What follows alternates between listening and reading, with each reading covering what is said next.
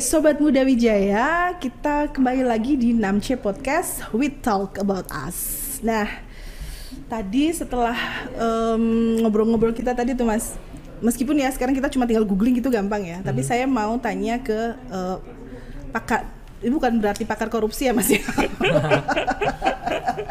pakar integritas ya gitu ya. Sebenarnya korupsi sendiri itu artinya apa sih? Oke, kita harus membedakan antara sikap koruptif dengan korupsi. Oke. Kalau korupsi sendiri dari bahasa Latin corruptio artinya busuk. Jadi sesuatu yang busuk, yang negatif, hal yang buruk dan sebagainya. Nah, tapi kalau perbuatan koruptif itu bisa tidak harus berkaitan dengan keuangan negara. Tapi kalau korupsi itu biasanya berkaitan dengan keuangan negara, penyalahgunaan kekuasaan dan seterusnya. Tapi kalau sikap koruptif bisa kita lakukan sehari-hari. Misal, Mem Arni harusnya mengajar 2 jam, Mem Arni ngajarnya cuma 1 jam 55 menit. Oke. Itu ada sikap koruptif di sana di 5 menit yang kita uh, tidak penuhi kewajiban kita gitu. Tapi kalau korupsi misal penyalahgunaan ya gampangnya uang sekolah kita ambil atau kita menyalahgunakan wewenang atau kita mendapatkan gratifikasi karena jabatan kita dan lain sebagainya. Jadi sebetulnya banyak sekali itu. Tapi menurut saya yang paling penting adalah mencari tahu kenapa sih sampai korupsi ini terjadi. Korupsi ini terjadi salah satu teori yang paling ngetren itu namanya GONE theory. GONE. G-nya adalah greeds atau ketamakan, kita selalu ingin mendapatkan berbagai macam hal. O-nya adalah opportunity, ada kesempatan orang untuk melakukan korupsi, mungkin karena sistemnya lemah. N-nya adalah needs, ada kebutuhan yang tidak bisa terpenuhi dengan kemampuan finansial kita. Yang terakhir adalah exposure atau exposure exposure pada apa? Exposure pada hukum yang lemah. Jadi hukumnya lemah.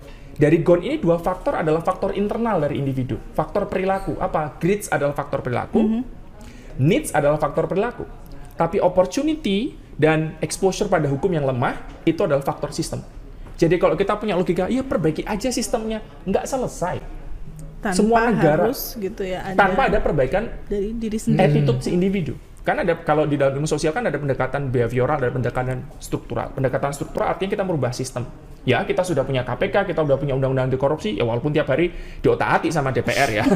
ya tahu sendiri kenapa. We, we have Gitu ya. yeah, yeah, we have the system. Nanti nggak saya matiin nggak saya matiin mic-nya kok Mas. tenang aja, tenang aja. Nggak apa-apa. Eh, jadi, we have the system. We build out the system. But that is not Oke. enough. Ada perilaku yang kemudian harus dibentuk. Dan menurut saya, perilaku itu domainnya ada di sekolah, domainnya ada di rumah, ada di masyarakat. Gitu. Kenapa? Mandela kan pernah bilang tuh, education is the most powerful weapon which we can use to change the world. Pendidikan adalah senjata yang paling apa yang bisa kita gunakan untuk merubah dunia. Kenapa? Karena dalam education itu akan ada penanaman value ke individu. Karakter akan dibentuk di sana dan we spend most of the times sekolah gitu. Kalau gini, saya ingat ada satu uh, filosof namanya Julien Benda, pakai bahasa Perancis saya ngerti. Bacanya gimana, Mem? Gimana gimana? Julien Benda tulisannya. Julien ya? Julien. Julian Benda. Nah, dia nulis satu buku uh, yang kira-kira dalam bahasa Inggris adalah The Betrayals of the Intellectuals, pengkhianatan kaum intelektual. Oke. Jadi dia menulis bahwa di Eropa pada pertengahan 1900-an terjadi pengkhianatan kaum intelektual. Intelektual itu menurut Benda harusnya memiliki tiga kualitas. Satu, dia punya namanya tulisannya la, la raison, nggak tahu. La raison. La raison. Oke, malah les bahasa Prancis. La raison. Satu, jadi harus punya kecerdasan. Sisi kognitif harus dibangun. Ini yang kamu dapatkan sehari-hari. Kamu sekolah itu untuk sisi kognitif kamu. But that is not enough. Yang kedua, dia harus punya la justice. La justice. La justice. Ju- Ah, Oke. Oke. Oke, Pak. Tapi ya, dia harus berpihak pada eh, keadilan. Yang ketiga, dia harus berpihak, berpihak pada kebenaran. La vérité. La vérité. La, ver- la vérité. Ah, Oke. très bien. Bagus banget itu benar-benar. Gracias muchas. Oke. Jelas. Merci, Mas. Merci beaucoup. Merci beaucoup. D'accord. So, intelektual itu harus punya tiga. Cerdas, berpihak pada keadilan, berpihak pada kebenaran. Nah, mari kita lihat habituasi kita di sekolah seperti apa. Bukan salah sekolahnya, mungkin education system kita. Iya, kita mengejar yang kognitif, psikoafeksi, psikomotorik. Tapi practically yang di-emphasize apa? Kognitif. Yap. Atar tidak akan mendapatkan nilai bonus karena Atar adalah ketua OSIS punya leadership, for example. Yep. Gitu. Jadi, apa ya? Sometimes bolongnya di sana gitu loh. Ada ada yang namanya keadilan dan kebenaran yang kemudian tidak tidak muncul. Di Eropa terjadi, maka Eropa kolaps pada masa tersebut. Nah, hal yang sama juga sebetulnya sedang terjadi dengan kita. Adik-adik tahu nggak? Setiap tahun itu, Transparansi Internasional mengukur yang namanya Corruption Perception Index, CPI. Semakin tinggi CPS satu negara, skor skor sempurnanya 100, maka dia, semakin bersih. Oke? Ranking satu teratas itu selalu Denmark, kalau nggak Denmark Finland, kalau nggak New Zealand, kalau nggak tetangga kita Singapura. Dia selalu masuk tiga besar, lima besar. Skor Singapura, for example, tahun ini ya, skor dia 85, tahun lalu juga 85. Dia ranking 3, tahun lalu dia ranking 5. Artinya kalau di kelas enak pinter, MR nih pas, pas kecil. Ranking, skornya 85. Dulu kala itu. Iya dulu. dulu kala. Yang sempat pingsan karena ranking 3 memang. Tapi, tahu nggak Indonesia berapa skornya? Indonesia itu skornya sekarang 37. 3,7. Tahun lalu kita sempat 40. Ranking kita ranking berapa? Ranking 102. Dari? Singapura dari 180 negara. Oh my god. Oke. Oke. Dan kita ranking naik turun turun paling turun 3 3 peringkat gitu. Tahu nggak yang di atas kita ada siapa? Timor Leste bahkan di atas kita. Malaysia tuh ranking 57. Saya masih ingat, saya ma- c- tadi sempat mencatat eh, biar nggak lupa. Di atas kita itu ada Sri Lanka, ada Suriname, ada Tanzania, ada Gambia. Which is- Bayangkan. Which is apa secara secara ke- kekayaan dan segala macam True. itu kita itu jauh. jauh di Timor atas Leste bahkan di atas kita jauh gitu. Oke. Apa korelasinya? Kalau kita terhabituasi untuk kemudian tidak jujur dan itu jadi karakter karena kita bertahun-tahun dalam institusi pendidikan lalu integritas akademik nggak kita te- tegakkan, yang terjadi adalah ya kita akan menjadi negara seperti ini. Apa korelasinya? Semakin rendah CPI, semakin miskin negara tersebut. Bahkan ketika kemiskinan sudah ranking terbalas siapa? Somalia, Sudan Selatan, Yemen. Mereka jadi apa? Jadi fail state, negara gagal. Kenapa? Karena dia gagal memberikan kemakmuran pada warga negaranya. Ketika gagal memberikan kemakmuran, beberapa elit sangat kaya, majority of the society miskin, yang terjadi adalah Gini indeksnya tinggi. Gini indeks itu ya indeks menurut ketimpangan. Dan mereka pasti akan terjadi pemberontakan, terjadi gagal. Kalau kamu pengen tahu negara akan jadi negara perang saudara apa enggak, lihat Gini indeksnya. Salah satu faktornya karena korupsi. Bandingkan dengan negara- negara-negara ranking teratas, mostly adalah negara Skandinavia. Finland, Norway, um, Iceland, mereka ada ranking di atas. Singapura kalau deket kita gitu. Apa keadaan mereka? Makmur.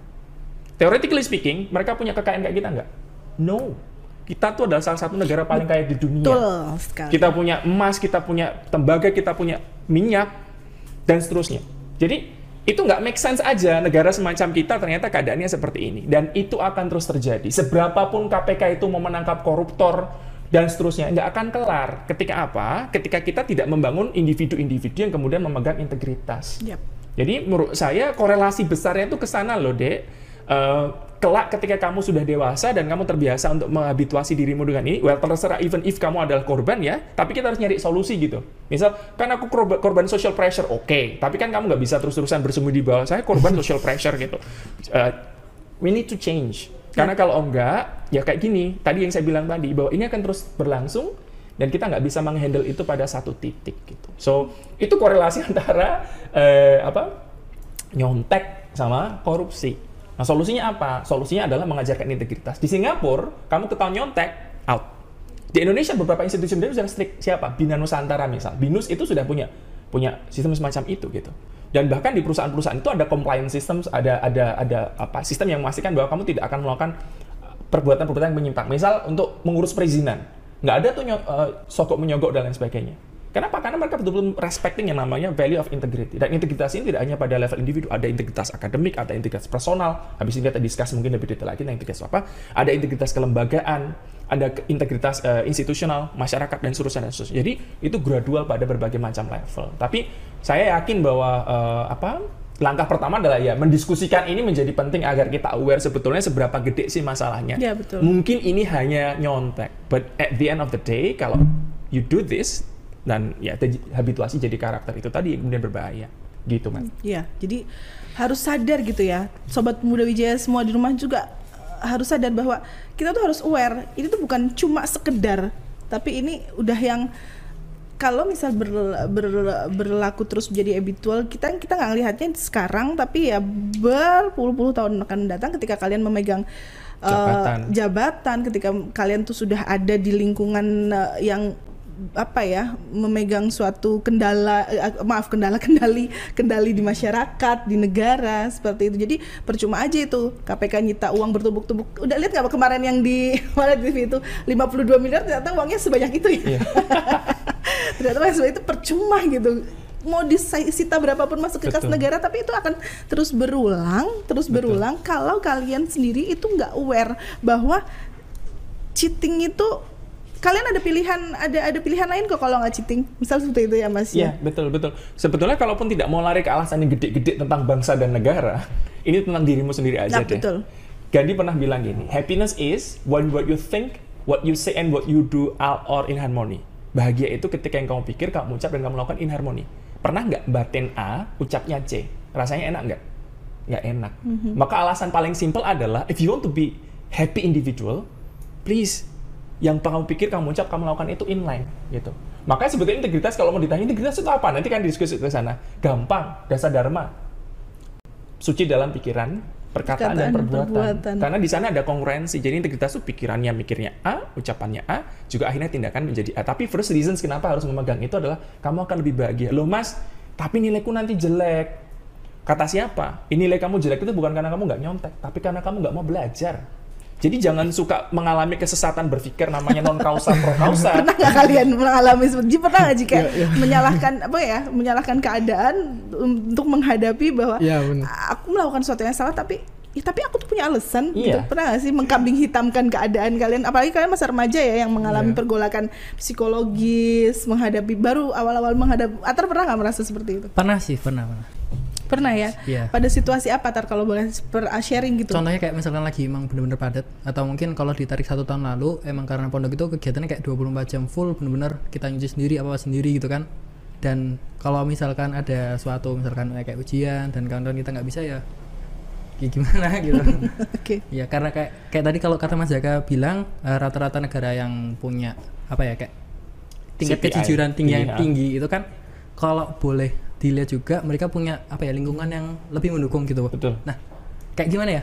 Kalau dibandingkan dengan Indonesia sendiri kan itu agak lumayan jauh, Mas. Nah, solusi awal selain kesadaran apa sih langkah nyata yang bisa kita ambil misalkan sebagai guru atau mungkin sebagai siswa kayak gitu? Karena kalau di teman-teman sendiri juga kayak misalkan emang bener-bener belum paham, misalnya kayak tadi yang aku bilang turunan nih. Karena turunan itu kan masih punya dasar, misalkan A, B, C, D, E. Nah, mereka tuh sebenarnya belum dapat A, B, C, D, E-nya ini. Tapi udah digembar lagi lanjut, lanjut, lanjut, lanjut. Nah, itu yang sebenarnya salah satu faktor yang bikin mereka kayak ya udah nggak ngerti udah deh. lah ya Iya. udah lah ya udah lah ya jalan aja lah ya Ya, gini aja gitu. gitu gitu ya Saya setuju sih sama pernyataan Atar bahwa kita punya different konteks. Tapi sebenarnya untuk punya integritas itu tidak butuh modal apa pun kok. Kamu tidak butuh teknologi, kamu tidak butuh eh, kekayaan atau apa pun itu. Itu cuma butuh komitmen untuk kamu kemudian bergerak ke sana gitu. Nah, menurut saya adalah pemerintah sebenarnya sudah progres. Misal ujian nasional tidak lagi dijadikan syarat kelulusan. Yap. Kemudian ada yang namanya assessment ya. ya AKM AKM. AKM. Menurut saya semangat dari AKM itu bukan untuk ngejudge kamu tapi untuk evaluate. Orang kan suka salah paham ya. Eh, or- eh, apa evaluasi itu di- kamu takut padahal evaluasi itu tidak harus selalu keren gitu. Ketika evaluasi evaluasinya berarti buruk. Ya oke kalau gitu perbaiki aja gitu. Menurut saya ketika pemerintah tidak lagi menggunakan standar-standar itu untuk kelulusan tapi lebih pada evaluasi dan guru punya keterlibatan dalam mengevaluasi proses, it's a progress. Tapi memang menurut saya yang bisa ditempuh pertama kali adalah perspektif yang sama kesadaran yang sama. Mungkin klise, tapi karena setiap tindakan itu dimulai dari value, value membentuk perspektif, perspektif membentuk belief system dan berakhir pada manifestasi tindakan, maka first step-nya adalah value ini. Value siapa? Value-nya kamu, value-nya saya, value orang tua kalian, value sekolah. Perspektif yang sama juga di antara kita semua, apa sih kita mau bawa ke mana? Masa iya kita terus-terusan begini gitu? Apalagi pandemi ini saya nggak tahu berakhirnya sampai kapan gitu. Iya, betul. Dan yang harus disadari adalah anak-anak tuh punya tadi eh, yang non kausa pro kausa tadi bukan penyebab dituduh sebagai penyebab. Saya menjadi gagal kenapa? Karena saya nggak nyontek. Oke. Kemudian orang juga berpikir bahwa kalau saya jujur, perspektifnya saya akan gagal. Padahal enggak loh, banyak orang jujur di luar sana yang kemudian berhasil. Bahkan sekarang perusahaan besar seperti Google, Microsoft tidak lagi meng-hire orang berdasarkan diploma, bukan lagi berdasarkan gelar kamu deh. Tapi berdasarkan skill kamu. Kamu bisa baca websitenya eh, Google or Microsoft, kamu di hire nanti sama mereka gitu. Jadi, nah ini yang, yang kita tidak semua aware gitu, bahwa mereka tidak lagi melihat kertas. Itu ijazah atau apa pun di atas kertas itu hanya akan bantu kamu untuk lolos seleksi administrasi. Tapi kamu bertahan atau tidak di kampus atau di tempat bekerja, itu depends on your capacity. If you punya nilai bagus ya semuanya ya, cum laude, whatever. Tapi ketika kamu kemudian masuk ke sana dan ternyata kamu nggak bisa perform karena kamu nggak punya skill beneran, karena selama ini hanya nyontek atau apa pun itu, udah selesai gitu loh. Dan di abad ini memang udah berbeda. Kita berbeda sama generasi orang tua kita yang kemudian ijazah itu menjadi sepenting itu. Iya ijazah masih tetap penting. Tapi pendidikan itu bukan it's beyond ijazah gitu loh. Jadi yang paling penting adalah kemampuan kamu yang asli. Bukan apa yang tertulis di atas kertas, apalagi yang yang hasil contekan dan lain sebagainya. Karena kita eranya udah udah Iya, beda. iya, betul, betul. It's your on, based on your capacity, based on your portfolio dan dan lain sebagainya. Maka maka di luar negeri itu banyak orang kemudian mempertanyakan apakah harus sekolah formal ataukah yang penting kamu mengembangkan skill. Ya itu perdebatan yang lain. Cuma saya mau bilang ke kalian bahwa jangan takut. Kalaupun kamu pegang integritas, everything will be fine. Saya pernah mengadakan sekolah integritas cuma sebuah hukum. Ada 200-an peserta kita kerjasama sama fakultas hukum. Waktu itu kita datangkan, karena anak hukum kan korupsi di bidang hukum kan banyak ya. Kita karena kepercayaan pada institusi penegak hukum juga sangat rendah. Waktu itu kita datangkan siapa? Almarhum Pak Artijo Alpostan yang kemarin meninggal, Ibu Iya, Albertina Jasa. Ho, itu adalah hakimnya Gayus, Pak Busro Mukodas mantan ketua KY, mantan ketua KPK. Kemudian kita datangkan ya hakim berintegritas, jaksa berintegritas dan lain sebagainya. Untuk apa? Membalikkan perspektif anak-anak fakultas hukum. Hei, kamu dengan kamu jujur kamu masih bisa sukses loh. Iya, Karena ada mindset bahwa kalau kamu nggak jujur nggak sukses. Nah aku nggak nyontek mas, aku nggak dapat ranking yang bagus. Ya, Nek- kamu mungkin akan dapat ranking yang bagus, tapi kamu kehilangan yang lebih valuable. Apa karakter kamu? Iya. Misal ya, Atar sama Aji. Eh, nanti jadi, misal saya jadi pejabat gitu.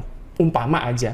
Aji itu anak yang jujur. Atar suka nyontek. Rankingnya Atar lebih keren, gelarnya Atar lebih banyak, bla bla bla bla bla. Kalau kamu jadi saya, kelak ketika saya mau kerja sama, kamu pilih siapa? Aji apa Atar? Aji Pilih Aji. Kenapa? Karena honesty itu selalu apa ya? Kejujuran itu adalah mata uang yang laku di semua tempat. Dan itu harus kamu bangun dari sekarang. Reputasi itu harus dibangun dari sekarang, karakter dibangun dari sekarang. So, jangan takut, jangan sampai apa ya mengalami fallacy of thought tadi kesesatan berpikir bukan penyebab dituduh sebagai penyebab. Tapi kamu hanya bisa bertahan dengan integritas dengan kejujuran kalau kamu juga kerja keras. Nggak bisa cuma ya wes integritas aja terus kue rasi nau lah. Piye kok dua gitu? Pada Pasrah akhirnya gitu ya. jadi gitu mem kayak Itu jatuhnya pasrah bukan berintegritas tapi jatuhnya pasrah tapi tanpa menarik usaha. sih mas eh, salah satu yang kalau apa aku tarik ini tentang bukan tentang berintegritas saja tapi cara belajar. Nah tapi kan kayak kayak kita nih kita belajar tuh sebenarnya masih belum diajarkan cara belajar yang baik gitu loh mas kayak Hmm. misalkan gimana sih cara belajar yang efektif kemudian cara mengelola waktu cara mengelola energi karena Hmm. kayak tugas yaudah pokoknya kerjain pokoknya Hmm. belajar tapi nggak tahu ini Ah. gimana langkah-langkah yang tepat untuk mencapai ini tuh gimana sebenarnya kayak Hmm. gitu sih dan itu kayaknya perlu digaungkan sih mas Uh-uh. kayak cara belajar yang efektif dan kawan-kawan Tadi gitu. pagi Bu, saya chat Pak Eko sama Bu Hajar. Bu, ini ide untuk podcast. Salah satu ide untuk podcast itu adalah ada materi tentang mengenal tipe kecerdasan dan metode belajar. Karena masing-masing individu itu punya metode Ah, masing-masing. iya. Mereka sendiri itu belum mengenal dirinya sendiri Exactly. ya. Dan itu mungkin bisa Oke. dijawab oleh teman-teman yang punya latar belakang psikologi pendidikan atau apa. Tapi saya sudah matur ke Pak Eko dan Bu Hajar. uh, semoga beliau kemudian uh, nanti sama Madam Armi nanti invite orang yang bisa ngajarin anak-anak ini. Karena itu tadi, Mem, kita nggak bisa kemudian maksain mereka berubah kalau kita tidak me, apa ya, mengelola mereka dari awal. Kayak mereka diajari mengenali dirinya, termasuk mengeluarkan apa keluar dari pressure-pressure semacam ini, mengenali tipe kecerdasannya apa, mengenai cara belajarnya masing-masing itu seperti apa, itu penting. Kalau kemudian kita nggak ngajarin, kita tuntut, eh kamu harus ini, susah gitu. Tapi menurut menurut saya adalah pembelajarannya adalah if you find anything wrong, matur, ngomong. Ya, saya rasa betul. semua orang itu punya willingness untuk kemudian ini. Kadang-kadang anak-anak ini takut gitu. Karena ya ya takut gini. Padahal coba aja dulu gitu. Paling paling mentok apa sih? Paling cuma ditolak, ya kan? Pernah kan ditolak sama cewek? Atau paling cuma iya. Tapi saya rasa semua orang itu mau untuk memperbaiki diri gitu. Cuma kita Iya. harus harus Jadi ngomong aja. mental gitu. breakdance ya. Oh, Iya, mental breakdance. ya jadi sekarang kan anak-anak sekarang kan kayak gitu gampang banget kena mentalnya gitu udah gue kalau misal di medsos itu aduh aku kena mentalnya nih sudah udah kayak gitu. Jadi bersembunyi di isu kesehatan mental semua. gitu. jadi karena itu jadi ya memang harus harus komunikasi ya Betul. komunikasi Dan Kalau- saya rasa kayak podcast, podcast ini juga I think it's progress. Yep. Kita ngerti bahwa oke ada kor- ada ada anak-anak pada nyontek nih. Nah, kita ngobrol gini tuh nyari tahu gitu. Sekolah mendengar, teman-teman mendengar, ayo cari tahu bareng-bareng gitu. Dan- Tapi dengan berpositif Oke. thinking satu sama lain gitu. Sekolah pasti dengan mendengar ini, oh iya, perbaiki. Kita juga akan positif thinking sama anak-anak gitu. Oh iya, nah aku ngerti keadaanmu gitu. Jadi, tapi fokusnya di uh, perbaikan, bukan fokus Oke, saling menyalahkan. Iya gitu. betul betul. Dan orang tua ya semoga kalian juga nontonnya di sini tuh ngajakin orang tua kalian. Nih loh Pak, Bu, nih loh begini loh. Sebagai orang tua tuh jangan terlalu menuntut nilai tapi value. Bisa Iya. seperti itu ya. Bisa jadi seperti itu itu. Oke, jadi eh, eh, misal weekend kalian biasa nonton Netflix sendirian, sekarang nonton podcast SMA 6 bareng orang tua kalian. Mungkin nextnya itu ada ada podcast parenting Oke, gitu kan. Jadi kan iya. sinergi semua orang Iya bareng-bareng. benar-benar. Jadi eh, bisa jadi alternatif tontonan pilihan ini ternyata podcast kita ya. Oke, nah sekarang eh, kalau menurut kalian nih keterkaitan antara kayak gini, apa yang apa yang membedakan antara integritas sama kejujuran? Mhm. Anak-anak dulu nggak mau nebak dulu nggak? Oke, oke nebak dulu deh. Nebak Nebak, dulu. dulu. Pernah nebak denger dulu. integritas kan? Bedanya Iya. Integritas apa sama integritas? kejujuran itu apa? Coba. Mas Aji dulu, Mas. Aji dulu. Mas Aji dulu. Kayaknya nahan-nahan nih tadi. Waduh agak sulit ini bu. Oh. Loh, ini nggak Jangan nyontek Ci, jangan nyontek Ci. Enggak, enggak pak. ini nggak masuk rapat loh Ji. Eh, kalau menurut saya ini perbedaannya kalau integritas itu lebih ke ke kayak gimana ya bu? Ke diri kita sendiri gitu bu. Kayak apa ya? Ya tentang kita ngejalanin hidup ini. Kayak misalkan kita harus mencakup hal yang luas lah bu. Pokoknya integritas tuh. Kalau kejujuran ya ya ya kita harus jadi orang yang jujur aja gitu sih kak bu. Oke. Oke. Kalau Atar Kalau Atar? integritas itu kayak kita melakukan sesuatu dengan konsisten apa yang kita katakan gitu. Mhm. Jadi kalau kejujuran itu lebih ke sikapnya gitu bu. Mhm. Ya kalau nggak salah sih. Ya. Gak Gini. apa-apa. Itu loh anak-anak zaman sekarang Jangan itu. takut salah. Nah, begitu. Berat Jadi ini, saya tuh selalu saya ketika di kelas mau itu selalu bilang, "Oke, ada yang mau berpendapat?" Hening tuh. Hmm. Hmm, gitu hening semuanya. Semua AFK kalau away from keyboard. Semua diam.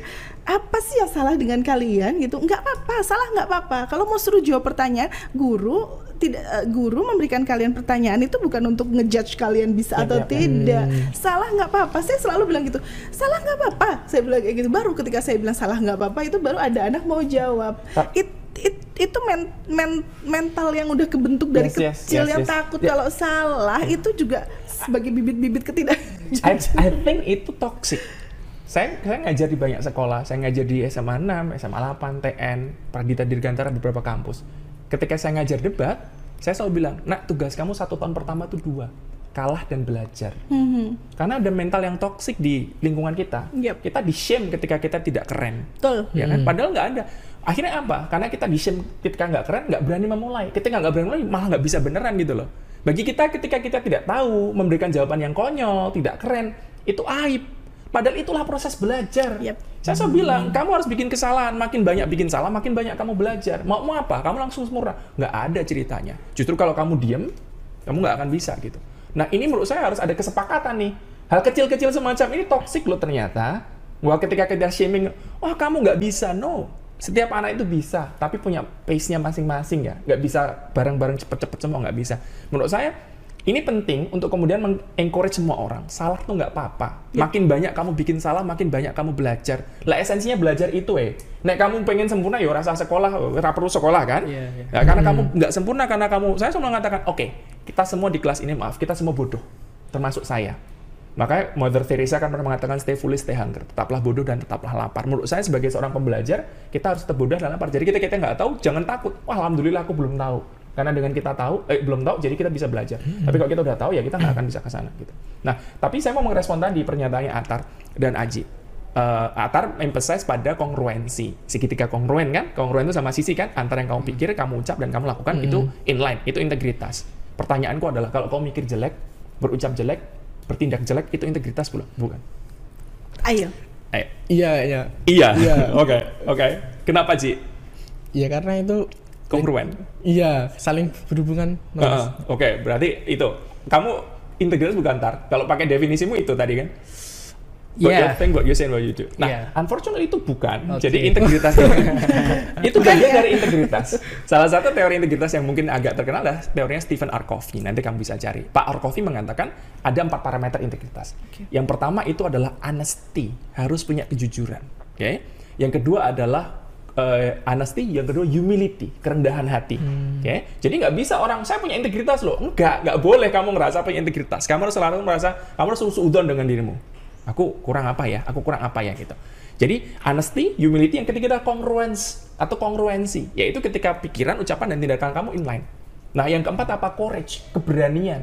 Jadi orang punya integritas kalau berani, misal you see something wrong, you diem ya, banget belum punya integritas gitu.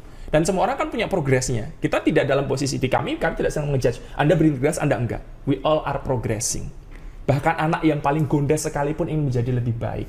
Maka tidak sepatutnya kita mendiskualifikasi dia. Iya. Enggak, kamu tuh udah gondes, nggak mungkin jadi Ja- anak baik. Jamet. Gitu. Jamet dan gondes gitu. Jadi eh, jadi integritas itu kalau menurut Arkofi ada empat value-nya. Tadi ada kongruensi, ada honesty, ada humility, dan ada courage atau ada keberanian.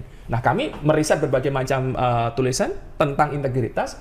Kami menyimpulkan integritas itu intinya adalah dalam diri individu ada satu ada kongruensi antara pikiran, ucapan dan tindakan dan kongruensi itu diikuti dengan values of integrity. Apa values of integrity?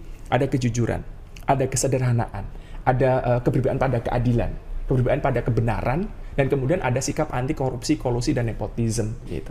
Cuma ya agak complicated gitu. Tapi memang first practice-nya adalah you have to be honest. Kejujuran adalah bagian dari integritas. Oke. Dan pendekatannya kalau pendekatannya anti korupsi, kita selesaiin kasus korupsi tapi nggak akan kelar. Maka anti korupsi itu hanya bagian kecil dari values of integrity.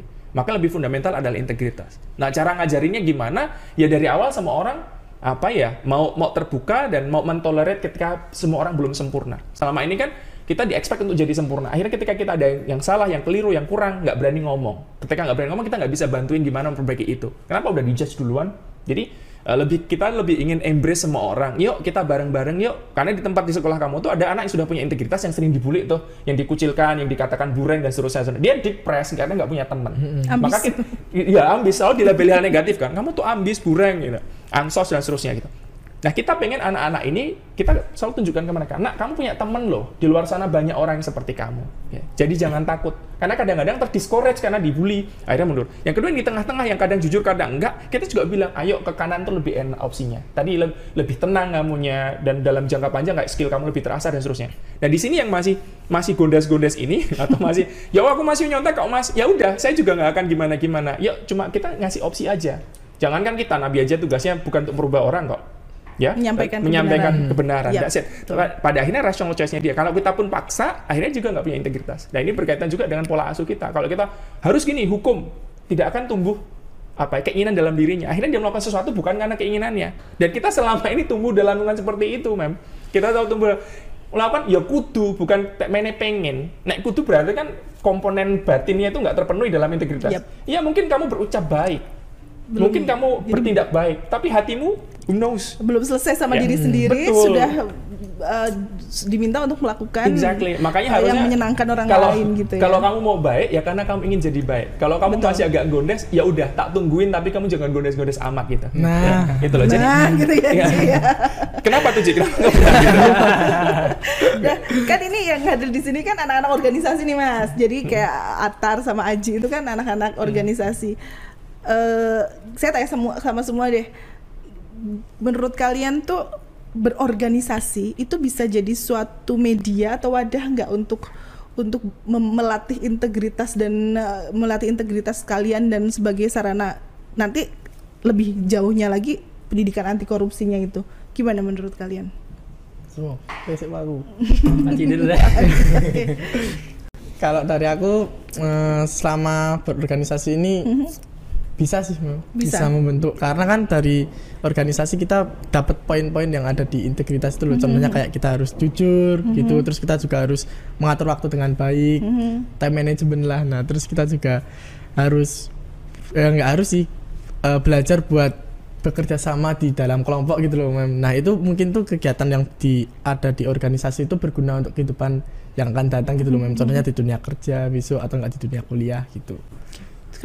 Oke, kalau untuk organisasi sendiri, kalau pengalaman pribadi emang anu sih kalau untuk personal ya itu merubah uh, keseharian. Kayak misalkan sebelumnya di pandemi itu kan ya kesibukan cuma sekolah aja, kayak malah nggak bisa ngatur waktu. Tapi kalau sekarang ada kesibukan organisasi, jadi malah belajar gimana sih cara karena waktunya agak padat ya. Jadi Senin sampai Oke. Sabtu tuh malah Oh, ada iya. kegiatan. Malah justru Iya. banyak kegiatan bisa time Bisa, management, iya, bisa. saking slownya malah justru Iya, manajemennya iya. kacau. Malah gitu. terlena, Oke. malah terlena kayak gitu. Uh, ya kayak gitu-gitu sih, ada. Oke. Gimana kalau kan dulu waktu SMA Mas Zaka juga anak organisatoris Anak a- a- organisasi. Anak organisasi juga ya, organisatoris tapi jarang ya. jarang ada di kelas karena saya nggak suka sekolah. oke. Jadi tapi kabur, kaburnya lomba gitu. Oke, betul betul. Jadi sebisa mungkin gimana caranya hari ini Yes. saya dapat surat tugas gitu ya. Ya, kabur, Oke. kabur tapi halal gitu. Oke. Jadi itu cara cerdas untuk bolos. Saya selalu bilang ke anak-anak murid saya, bolos, ayo bolos gitu dengan cara lomba. Nah, mem sebetulnya yang namanya integritas itu kan ada integritas personal. Sebenarnya sampai sampaikan, ketika pikiran, ucapan, tindakan kamu inline dengan value of integrity, kamu punya integritas personal. Tapi pada level akademik juga ada integritas akademik. Tidak boleh nyontek. Bahkan ketika diskusi pun kamu tahu di paper kamu ini adalah hasil diskusi saya dengan si A. Oke, ada catatan kaki kalau kamu mengquote sesuatu, Ya. kamu tidak eh, memplagiasi, kamu tidak mengirimkan tugas yang sama ke dua mata pelajaran yang berbeda, itu juga bagian dari academic integrity dan academic integrity betul-betul dijunjung di eh, banyak negara maju. Once kamu melakukan yang namanya eh, kecurangan akademik, udah wassalam gitu. Dan menurut saya itu penting. Kenapa? Karena pendidikan itu kan basis untuk kamu nyari kerja macam-macam. Kalau awalnya udah haram, ijazah kamu tuh ada unsur haramnya tuh. Nah. Iya, Gara-gara iya, kamu betul, nyontek tuh. Apa kabar nanti gitu? Paham nggak sih? Kamu nyari ya itu kan dipakai buat kerja dan macam-macam kan. So menurut saya tempat paling suci kedua setelah masjid atau tempat ibadah adalah sekolah. Institusi pendidikan. Kalau kamu kemudian di situ mengalami keharaman akademik ya problem itu. Jadi ada integritas akademik men. Yang ketiga ada integritas kelembagaan. Jadi organisasi itu bisa kemudian diukur integritasnya. Misal ada transparansi nggak laporan keuangan kalian. Jangan sampai oh ini buat kita aja di ini. No. Di organisasi itu dilatih manifestasi dari integritas akademik ke integritas kelembagaan. Oke. Jadi organisasi pun bisa di SWOT integritasnya seberapa gitu. Terus misal ya, ap- in, inline nggak? Value visi misinya apa? Tindakan anak-anak di situ kayak gimana? Itu juga bagian dari integritas kelembagaan gitu. Dalam konteks yang lebih besar adalah integritas masyarakat. Tapi itu terbentuknya nanti. Kita nggak akan ngomong gede-gede dulu. Pertama, mulai dulu dari dirimu. Paling nggak jujur. Ketika bikin salah, ngomong. Nggak harus langsung ngomong jadi baik itu. It's a process gitu loh. Nggak bisa ujuk-ujuk kamu udah expect baik. Misal you did something wrong, ya udah minta. Aku minta maaf. Aku salah gini gini gini. Mulai dari hal-hal kecil seperti itu, kamu biasakan dirimu lama kelamaan nggak terasa nanti jadi individu yang lebih baik. So at the end the day nanti ketika kamu jadi eh, orang yang punya jabatan, menjadi apa pun itu, karakternya sudah terbentuk. Dan dan menurut saya ya cara mengakhiri korupsi itu nggak di Jakarta, di ruang kelas. Coba kalian berdua misal, misal satu angkatan aja, ada let's say berapa? 300 anak gitu. Dari 300 anak, 10 anak aja. Anak yang memegang integritas. Dia punya kapasitas, dia jujur macam-macam lalu jadi pemimpin. Perubahannya akan besar. Jadi kita tidak expect semua orang untuk kemudian apa mau untuk segera berubah enggak. Pelan-pelan aja enggak apa-apa. Tapi kalau benar-benar kamu jaga dirimu dengan baik, so things will change at the end of the day. You don't have to change the world, just change yourself. If you change yourself, then the world will follow at the end.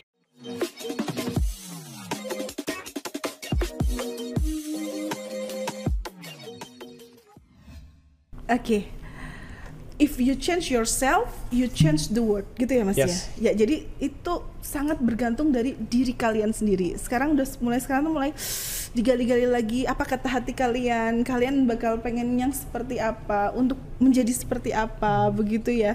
Nah, dalam pengalaman berorganisasi ini, kalian selama berorganisasi pernah nggak punya pengalaman atau tantangan terbesar deh ketika berorganisasi itu seperti apa? Yang ada hubungan ada hubungannya dengan integritas, ada hubungannya dengan kejujuran. Gimana? Pernah nggak? Aku. Siapa dulu nih?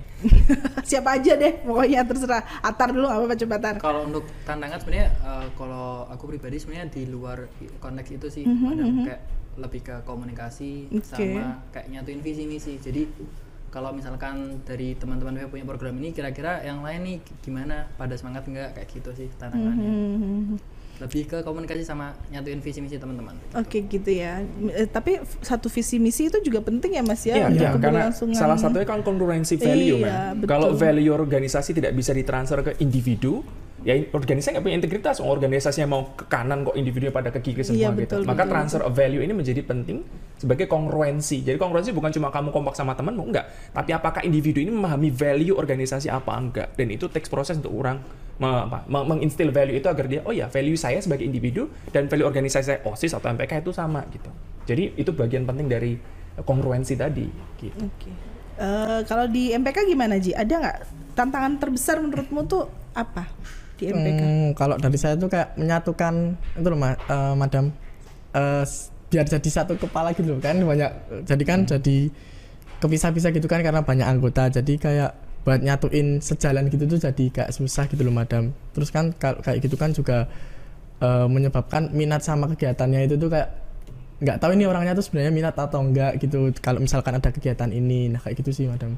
Ya, ya itu juga berhubungan anak ini punya integritas ke organisasi atau enggak gitu, Iya. niat apa enggak gitu, jalan barengnya juga susah gitu kan. Tapi itu juga penting untuk kamu membuka diri Ji ke semua anak. Kalau Iya. mereka nggak setuju nggak suka biarkan mereka terbuka Iya. gitu. Karena kadang-kadang an honest disagreement is a progress. Sebuah ketidaksetujuan yang jujur adalah sebuah progress. Jadi justru nggak boleh semua orang bersepakat gitu. Oh. Kalau dipaksa semua orang untuk bersepakat, ya dia ada di situ badannya. Hmm. Tapi pikirannya entah ke mana, hatinya entah ke mana. Habis itu dalam batinnya KZL gitu kan. Kesel gitu, ngapain aku di sini gitu. Tapi menurut saya komunikasi aja terbuka satu Hmm. Iya, sama betul. lain gitu. Dan tidak harus selalu saling setuju satu sama lain. Yang penting setiap individu dikasih ruang untuk kemudian expressing themselves agar kita ngerti mau dia Oh, apa oke. gitu. Oke. Oke. Terus sekarang kita udah masuk ke solusi nih. Solusinya gimana, Mas? Supaya remaja-remaja Indonesia, khususnya sobat muda Wijaya itu punya integritas yang kuat terhadap ya integritas individu, ya integritas kelembagaan, ya integritas akademiknya itu kuat sehingga mereka jadi pribadi yang penuh value dan nanti di masa depannya itu mereka bisa eh, menghadapinya itu dengan dengan baik gitu. Hmm. Kalau menurut saya yang paling penting itu adalah kesadaran di individu. Kenapa kesadaran kritis? Bukan karena dipaksa, bukan indoktrinasi. Kenapa saya harus punya integritas? Once kamu menemukan alasan kenapa harus pegang integritas, semua akan jalan dengan sendiri. Mhm. Kenapa harus punya integritas? Satu, kamu akan lebih merasa damai. Orang yang jujur lebih tenang. Mbok nilaimu jelek kayak gimana, ya walaupun juga akan dimarahi kadang-kadang, tapi at least kamu tuh tenang gitu loh batinmu. Jadi keuntungan pertama yang harus kamu dapatkan adalah kamu akan merasa tenang. Yang kedua, di era ini orang tidak butuh lagi yang namanya ijazah. Iya butuh, maksud saya tetap dibutuhkan, tapi orang tidak akan lihat kamu dari situ. Tapi dari kemampuan asli kamu seperti apa dan kemampuan asli hanya bisa terbentuk kalau kamu benar-benar jujur jujur jujur jujur melewati proses ini. Kalau kamu maksain diri untuk nyontek, nilai kamu kelihatan bagus. Kelasnya Madam Arni kamu bagus, tapi ketika diminta praktek nggak bisa kan? Jadi kamu harus harus benar-benar menurut saya jujur berproses gitu. Terus ujung-ujungnya tadi bahwa kamu harus kamu harus tahu masa depan itu di tangan kamu. You are valuable. Saya punya cerita sedikit aja, Mbak. Jadi ada satu filsuf eh, seorang sufi cari Fariduddin Attar, dia membuat satu buku yang terjemahan dalam bahasa Inggrisnya adalah The Conference of the Birds atau perkumpulan burung-burung. Dia bercerita saat itu bangsa burung sedang mengalami krisis besar. Kemudian dipimpin oleh Hopo, Hopo adalah salah satu eh, burung yang apa ya, yang paling bijaksana. Dia memimpin pertemuan para burung-burung itu. Berkumpullah mereka. Hopo mengatakan kita harus mencari pemimpin kita. Siapa? Simurg yang agung. Simurg yang agung di mana letaknya? Di ujung bukit sebelah sana. Dia menuju tempat yang sangat jauh. Kita akan terbang ke sana bersama-sama agar kita selamat. Akhirnya terbanglah mereka bareng-bareng. Mereka, mereka melewati gunung dan lembah. Ada lembah kesedihan, banyak yang tidak bisa bertahan. Udah berhenti di situ. Banyak yang lanjut. Ada lembah kelaparan, ada lembah kesedihan, kesendirian, macam-macam gitu. Banyak yang jatuh di jalan gitu. Tapi masih banyak yang lebih lanjut. Ujung-ujungnya apa? Ada satu lembah, eh, satu tempat eh, itu di situ penuh dengan kenikmatan. Ternyata orang paling banyak jatuh di situ. Burung-burung itu lebih banyak. Udah di sini aja. Ngapain nyari-nyari lagi? Akhirnya hanya beberapa ekor burung yang lanjut sampai di ujung. Sampai di ujung sana cuma beberapa gelintir, mungkin 5-6. Di sana mereka bertanya, loh, mana Simuk yang agung? Kenapa nggak kita temukan? Kita udah melewati darah dan air mata lah kayak gitu kan. Tapi sampai sini kok nggak ada gitu. Lalu ada satu suara. Terima kasih kamu sudah terbang sampai sini. Sesungguhnya Simuk yang agung adalah dirimu. Karena kamu melewati kesedihan, kamu melewati cobaan, kamu melewati godaan kenikmatan, kamu dan kamu jadi simuk yang agung itu. Nah burung-burung itu kalian, kamu nggak usah expect KPK ngapain, nggak usah expect negara, presiden siapa pun, kamu bisa. Kita tuh selalu me- mengecilkan diri kita gitu, bahwa you are the future gitu loh. You don't have to save the world. You just need to protect yourself dari negative values, progresslah, jadilah individu yang lebih baik, bertumbuhlah, dan pada satu saat nanti kamu adalah pemimpin itu yang akan buat perubahan. Jangan expect orang lain yang buat perubahan. Yep. Oke? Be the change that you want to see in the world. Jadilah perubahan yang kamu lihat di dunia. Itu kata Gandhi. Itu aja sih menurut saya. Oke, jadi kita harus jadi aktornya ya, jangan Yes. jadi reaktor ya. Yes.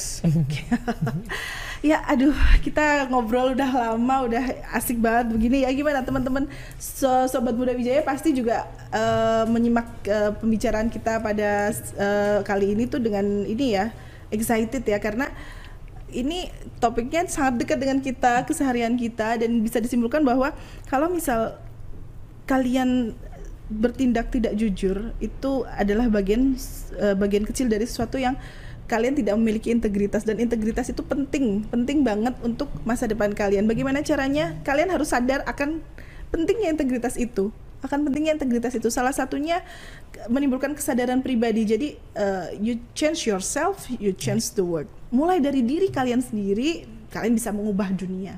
Salah satu cara untuk melatih integritas kalian gabung sama Atar, gabung sama Aji, kalian masuk organisasi itu sudah bisa bisa bisa menjadi wadah kalian untuk melatih integritas kalian. Oke, gitu. Terima kasih eh, Pleasure, atas ma'am. kehadirannya Makasih, ma'am. Aji, Makasih, Mas. Thank you, Zaka. Aji. Thank you, Ini merupakan suatu eh, pengalaman yang bagus banget juga buat saya. Saya dapat ilmu banyak dari Mas Zaka, dapat masukan Iya. banyak dari Aji dan masukan banyak juga dari Atar. Terima kasih untuk semuanya. Kita ketemu lagi di podcast edisi berikutnya. Jangan lupa tetap stay tune terus di Namce Podcast We Talk About Us.